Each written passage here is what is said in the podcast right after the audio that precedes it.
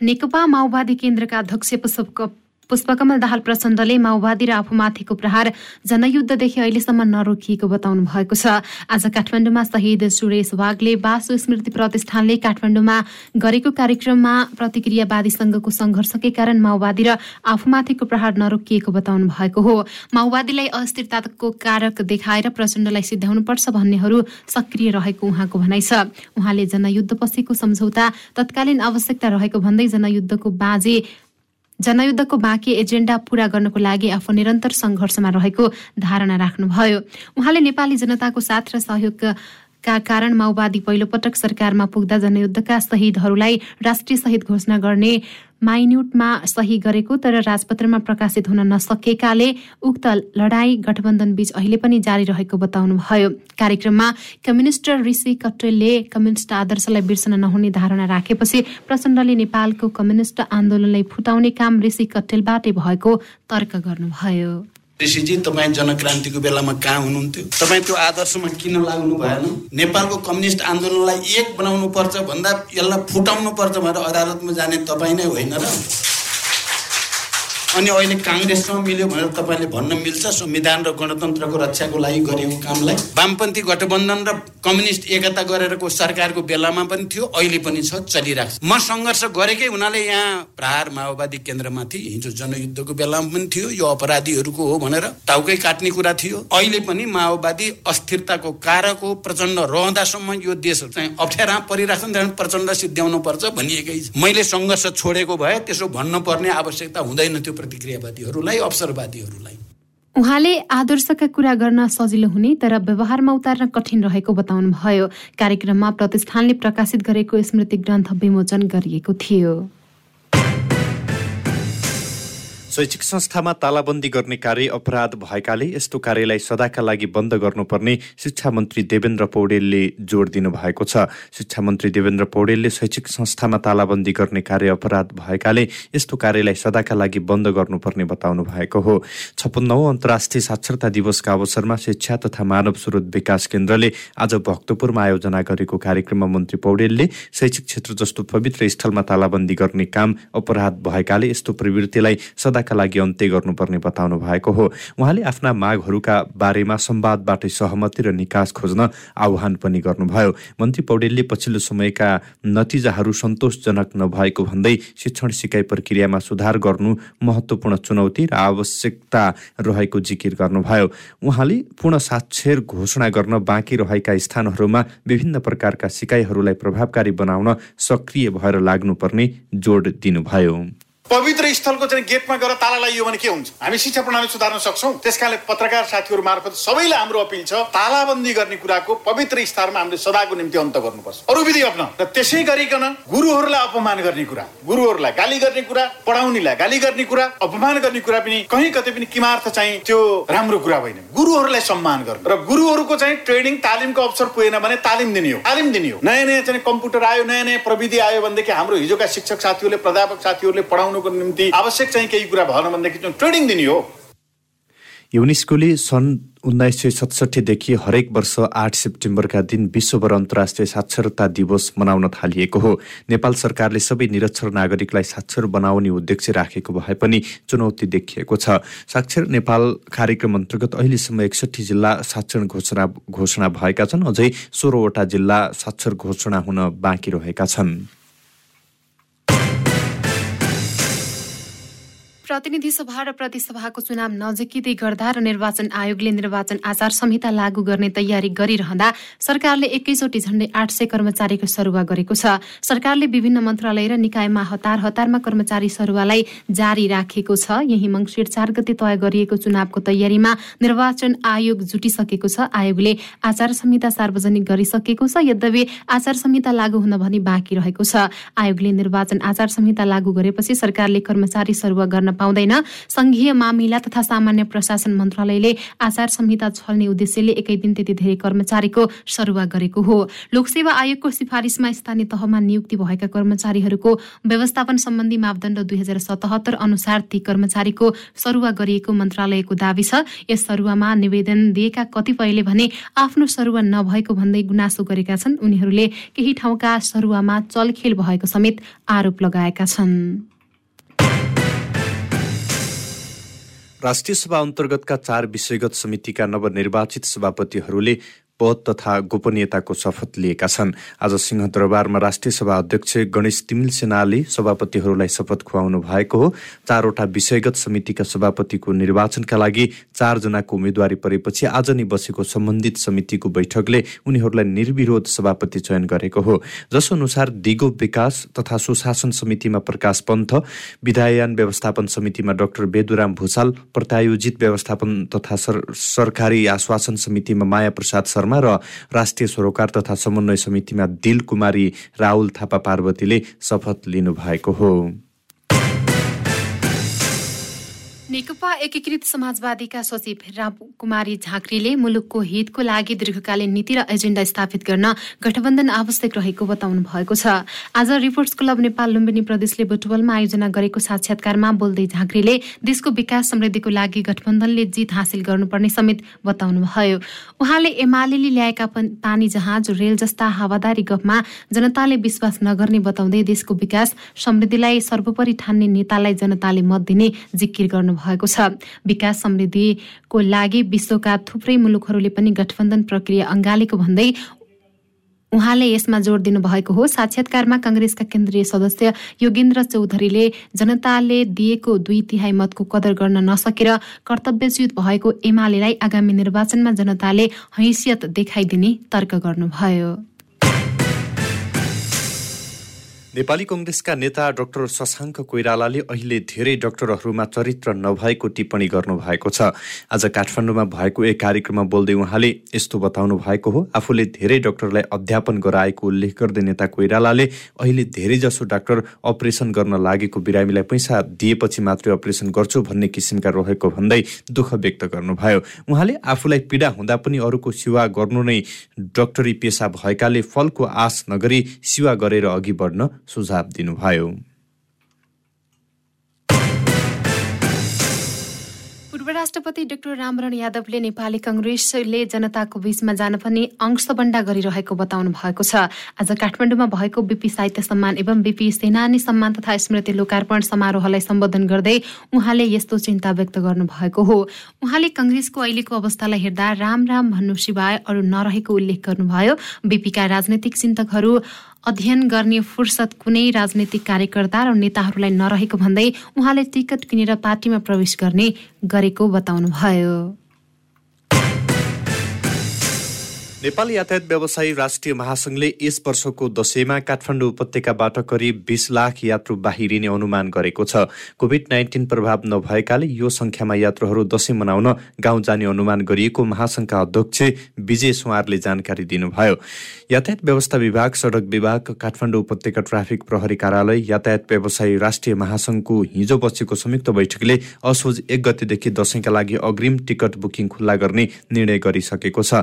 यातायात व्यवस्था विभागले अनलाइनबाट टिकट काट्ने व्यवस्था गर्ने भनेको छ तर यातायात व्यवसायी राष्ट्रिय महासंघका अध्यक्ष सुमारले अनलाइनबाट टिकट काट्ने व्यवस्था नगर्ने प्रश्न पार्नु भएको छ। शहीद धर्मभक्त राष्ट्रिय प्रत्यारोपण केन्द्रका कार्यकारी निर्देशक डाक्टर पुकार चन्द्र श्रेष्ठ विरुद्ध उजुरी परेको छ। आफ्नै सहकर्मीमाथि दुर्व्यवहार गरेको आरोपमा श्रेष्ठ विरुद्ध उजुरी परेको हो।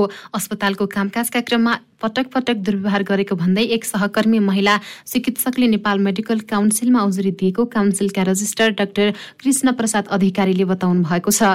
ती महिला चिकित्सकले डाक्टर श्रेष्ठ विरुद्ध नेपाल मेडिकल काउन्सिल राष्ट्रिय प्रत्यारोपण केन्द्र बोर्ड महानगरीय प्रहरी विरुद्ध भक्तपुरको महिला सेल र नेपाल चिकित्सक संघमा गरी चारवटा निकायमा एउटै बेहोराको उजुरी दिनुभएको छ। उजुरीमा ती महिला चिकित्सकले डाक्टर श्रेष्ठले आफूमाथि अस्वाभाविक अमर्यादित एवं लज्जास्पद अभिव्यक्ति दिए मानमर्दन गर्ने गरेको आफ्नो कार्य क्षमतामाथि गम्भीर प्रश्न उठाउने गरेको चरित्र हत्या गर्ने किसिमको व्यवहार गरेको तथा हतोत्साहित गराउने व्यवहार गरेको आरोप लगाउनु भएको छ।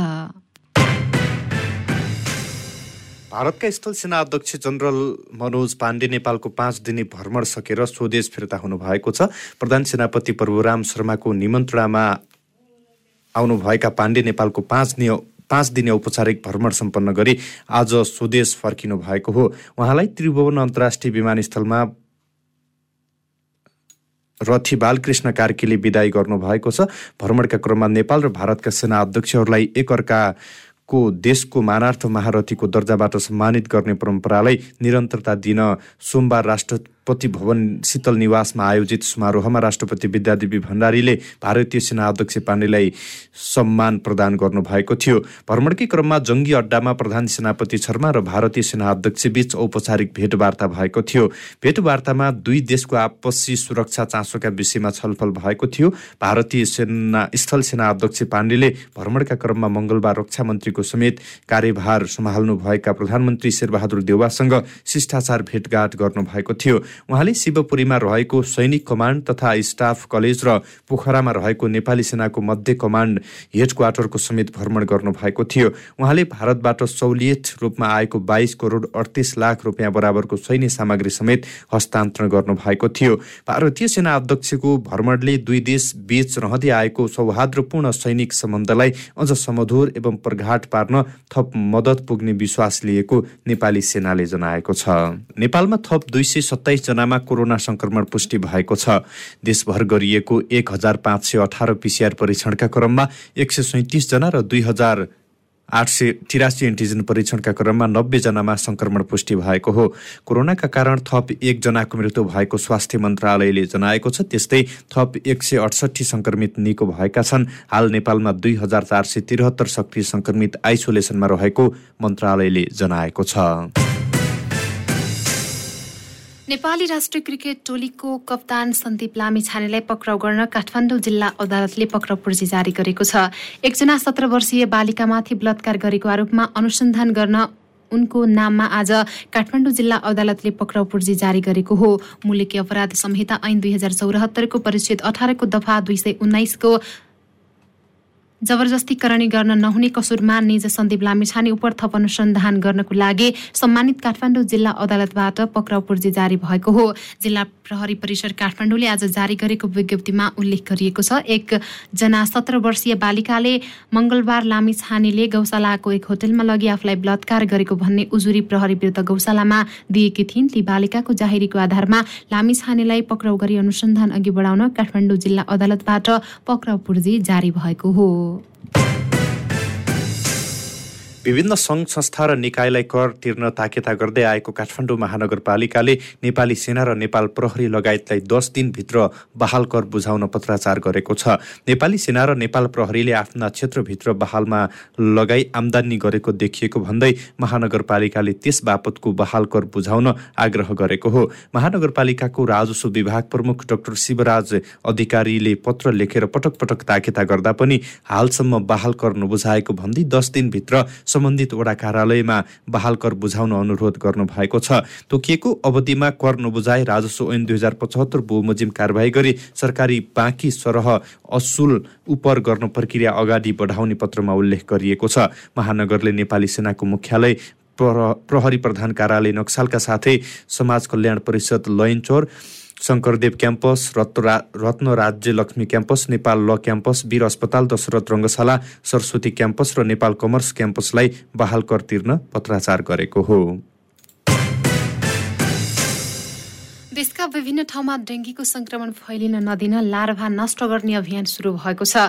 डेङ्गीको संक्रमण नियन्त्रणको लागि स्वास्थ्य तथा जनसङ्ख्या मन्त्रालयले प्रदेश र पालिका तहसँग समन्वय गरिरहेको जनाएको छ। स्वास्थ्य मन्त्रालयले डेङ्गी नियन्त्रणको लागि प्रदेश र पालिका सरकारसँग समन्वय र सहजीकरण गर्ने निर्णय गरी काम थालेको स्वास्थ्य मन्त्रालयका प्रवक्ता जय सञ्जय कुमार ठाकुरले जानकारी दिनुभयो समुदाय स्तरमा सचेतना सँगसँगै लामखुट्टेको लार्भा नष्ट पार्ने अभियान भइरहेको नेपालगञ्ज उपमहानगरपालिका स्वास्थ्य महाशाखा प्रमुख रामबहादुर चन्दले बताउनु भएको छ। जिल्ला स्वास्थ्य कार्यालय काठमाडौँले पनि सबैले हप्ताको एक दिन लामखुट्टेको लार्भा र अण्डा नष्ट गर्ने अभियान सञ्चालन गर्न अपिल गरेको छ। यसैबीच डेङ्गु संक्रमणबाट पाँच वर्षीय एक बालिकाको मृत्यु भएको छ। मृत्यु हुनेमा दार्चुल्लाको मालिका अर्जुन गाउँपालिका चार हुनैनाथकी उषा धामी रहेको गाउँपालिका स्वास्थ्य संयोजक गुणराज ओझाले जानकारी दिनुभयो। पालिकालाई एक हप्ता पहिले एक्कासी ज्वरो आएको र भदौ बिस गते जिल्ला अस्पताल दार्चुल्ला लगेर चेक जाँच गर्दा डेङ्गु र स्क्रब टाइफसको सङ्क्रमण देखाएको संयोजक ओझाले जानकारी दिनुभयो। डेङ्गु सङ्क्रमणका कारण शरीरमा पानीको मात्रा कम हुने सेतु रगतको मात्रा कम हुने तथा रक्त सञ्चार प्रणालीमा प्रत्यक्ष असर परेर बिरामीको मृत्यु हुने गरेको बताइएको छ।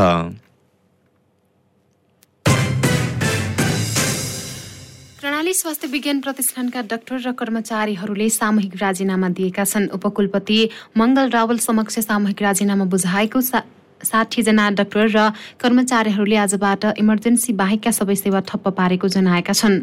भदौ दुई गते इमर्जेन्सी विभागमा कार्यरत डाक्टर करण शाहमाथि कुटपिटको घटना भएपछि सामूहिक राजीनामा दिएको चिकित्सकहरूले बताएका छन्। भदौ दुई गते डाक्टर शाहमाथि इमर्जेन्सी कक्षमै प्रतिष्ठानकै कर्मचारी धनबहादुर शाहीले कुटपिट गरेको भिडियो सार्वजनिक भएपछि स्वास्थ्यकर्मी आन्दोलित भएका छन्।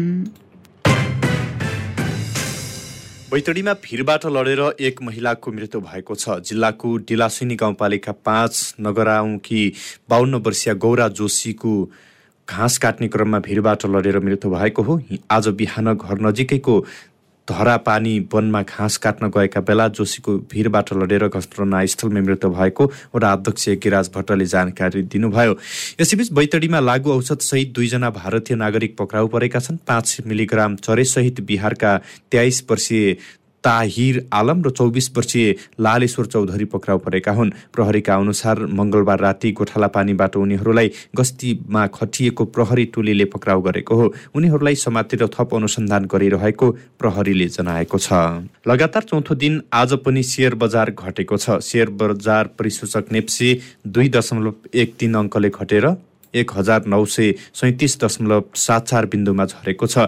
आज बैङ्क व्यापार उत्पादन अन्य माइक्रो फाइनान्स जीवन बिमा र म्युचुअल फन्डको सेयर घटेको हो। अरू समूहको सेयर भने सामान्य बढेको छ। आज दुई सय सत्ताइसवटा कम्पनीको चौतिस लाख एक हजार किता सेयर एक अर्ब चार करोड त्रिचालिस लाख रुपियाँमा कारोबार भएको छ। सबैभन्दा धेरै हिमालयन एभरेस्ट इन्सुरेन्सको तेह्र करोड दस लाख रुपियाँको सेयर किनबेच भएको छ। नेप्सी परिसूचक घटेको दिन सामुदायिक लघुवित्तको सेयर साढे छ प्रतिशत र अप्पर हेवा खोला जलविद्युत कम्पनीको सेयर साढे पाँच प्रतिशतले घटेको छ। समग्रमा बजार घटे पनि ग्लोबल आइएमई लघुवित्तको सेयर साढे चार प्रतिशतले बढेको छ। धनुषामा दिउँसै रकम लुटेर फरार भएका दुईजना युवक पक्राउ परेका छन्। लक्ष्मीनिया गाउँपालिका वडा नम्बर छ निकाल बस्ने बिस वर्षीय भरोसी भन्ने नरेश यादव र वडा नम्बर चार बस्ने तेइस वर्षीय सरोज दास पक्राउ परेको प्रहरीले जनाएको छ। हिजो दिउँसो साढे दुई बजे लक्ष्मीनिया नगरपालिका चार स्थित रहेको मेगा ब्याङ्कबाट एक लाख अस्सी हजार रुपियाँ निकालेर स्थानीय पचहत्तर वर्षीय रामदास घर फर्किँदै गर्दा दुवैजनाले लुटपाट गरेका थिए। धनुषाका एसपी वसन्त रजौरेका अनुसार लुटपाट गर्नु अघि सरोज र नरेश दुवैले ब्याङ्कबाट पैसा निकाल्ने व्यक्तिहरूको रेकी गरेका थिए। दासले पैसा निकालेर घर फर्कदै गर्दा ज बाह्र प पचासी त्रियानब्बे नम्बरको मोटरसाइकलमा सवार भई एकान्त देखेपछि सब दुवैजनाले लुटपाट गरेका थिए। अनुसन्धान गर्दै जाँदा दुवैजनाले लुटपाट गरेको रकम र मोटरसाइकल सहित हिजै बेलुका पक्राउ परेको एसपी रजौरीले बताउनु भएको छ। लुटिएको रकम मध्ये एक लाख पचहत्तर हजार भरोसीको छाप्रो घरमा माटोमा खाल्डो खनी गाडेको अवस्थामा प्रहरीले बरामद गरेको छ। त्यसै गरी सरोजबाट एक हजार पाँच सय बरामद गरिएको प्रहरीले जनाएको छ। क्यान्डिड न्युजमा अब अन्तर्राष्ट्रिय समाचार। श्रीलङ्काका राष्ट्रपति रनिल विक्रमासिंहेले आज सैतिसजना राज्य मन्त्रीलाई पद तथा गोपनीयताको शपथ गराउनु भएको छ। राष्ट्रपतिको कार्यालयका अनुसार राज्य मन्त्रीहरूलाई राजधानी कोलम्बोमा रहेको राष्ट्रपतिको सचिवालयमा पद तथा गोपनीयताको शपथ गराइएको हो। शपथ खानेहरूमा सिहान सेमा सिंहे अर्थ पर्मिथा बन्दरा तेनाकुन रक्षा? थाराका बालासुरिया विदेश मामिला राज्यमन्त्रीमा नियुक्त हुनुभएको छ। उहाँहरूले छिट्टै आफ्नो जिम्मेवारी सम्हाल्नुहुने बताइएको छ। सङ्कटग्रस्त श्रीलङ्कामा विदेशी मुद्रा अभावका कारण इन्धन तथा अति आवश्यक दैनिक सामग्री खरिद गर्न समेत समस्या भएपछि एकपछि अर्को गर्दै त्यहाँको जनजीवन नै प्रभावित बनेको छ।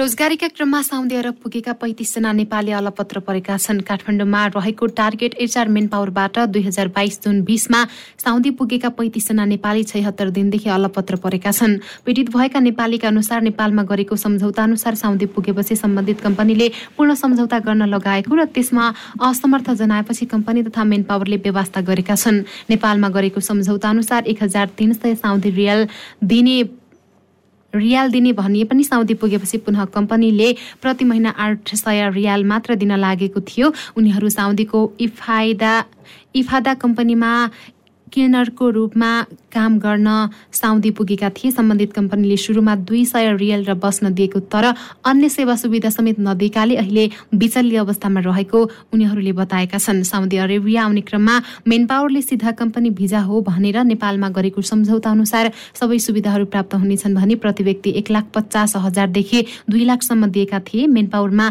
कार्यरत टिपक बस्नेतलाई प्रति व्यक्ति एक लाख बुझाएको र अन्य एजेन्टलाई पचास हजार माथि बुझाएको पीडितहरूले बताएका छन्। तत्कालीन अवस्थामा रोजगारीका क्रममा साउदी जाने कामदारको संख्या बढे तापनि सम्बन्धित कम्पनीले सम्झौता अनुसारको सेवा सुविधा नदिँदा र पठाउने मेन पावरले साउदीमा रहेका कम्पनीबारे आधिकारिक कार्यशैलीको ढाँचा नबुझ्नाले साउदीमा नेपाली कामदारप्रति विभिन्न समस्याहरू देखा परेका छन्। क्यान्डिड न्युजमा अब खेलकुदका समाचार। नेपाल क्रिकेट सङ्घ क्यानले फ्रेन्चाइज क्रिकेट प्रतियोगिता नेपाल टी ट्वेन्टी लिग खेल्ने थप दुई टिम र टिम मालिक घोषणा गरेको छ। क्यानले आज पत्रकार सम्मेलनको घोषणा गर्दै थप दुई टिम र टिम मालिकको घोषणा गरेको हो। पहिलो संस्करणको प्रतियोगिता खेल्ने नयाँ टिममा पोखरा एभेन्जर्स र फार वेस्ट युनाइटेड रहेका छन्। पोखराको मालिकमा पोस्टर राज गेवाली सुबे सुबोध त्रिपाठी र अतिश गेवाली रहेका छन्। फार वेस्टको मालिक SR sports and media ventures युकेका Rupinder Bagga रहेका छन्। क्यानले यसअघि चारवटा टिमको नाम र टिम मालिक घोषणा गरिसकेको छ। पत्रकार सम्मेलनमा क्यानका सचिव प्रशान्त मल्लले लिगको तयारी तीव्र रूपमा भइरहेको बताउनु भएको छ। उहाँले खेल फ्रेन्चाइज क्रिकेट अनुसार नै अघि बढ्ने र ड्राफ्टमा खेलाडीहरूलाई खुल्ला राखिएको पनि बताउनुभयो। पहिलो संस्करणको प्रतियोगिता छ टोलीले प्रतिस्पर्धा गर्नेछन्। प्रतियोगिता असोज आठ गतेदेखि कार्तिक पाँच गतेसम्म आयोजना हुनेछ। क्यानले आयोजना गर्न लागेको पहिलो फ्रेन्चाइज क्रिकेट प्रतियोगितालाई अन्तर्राष्ट्रिय क्रिकेट परिषद आइसिसीले मान्यता दिएको छ।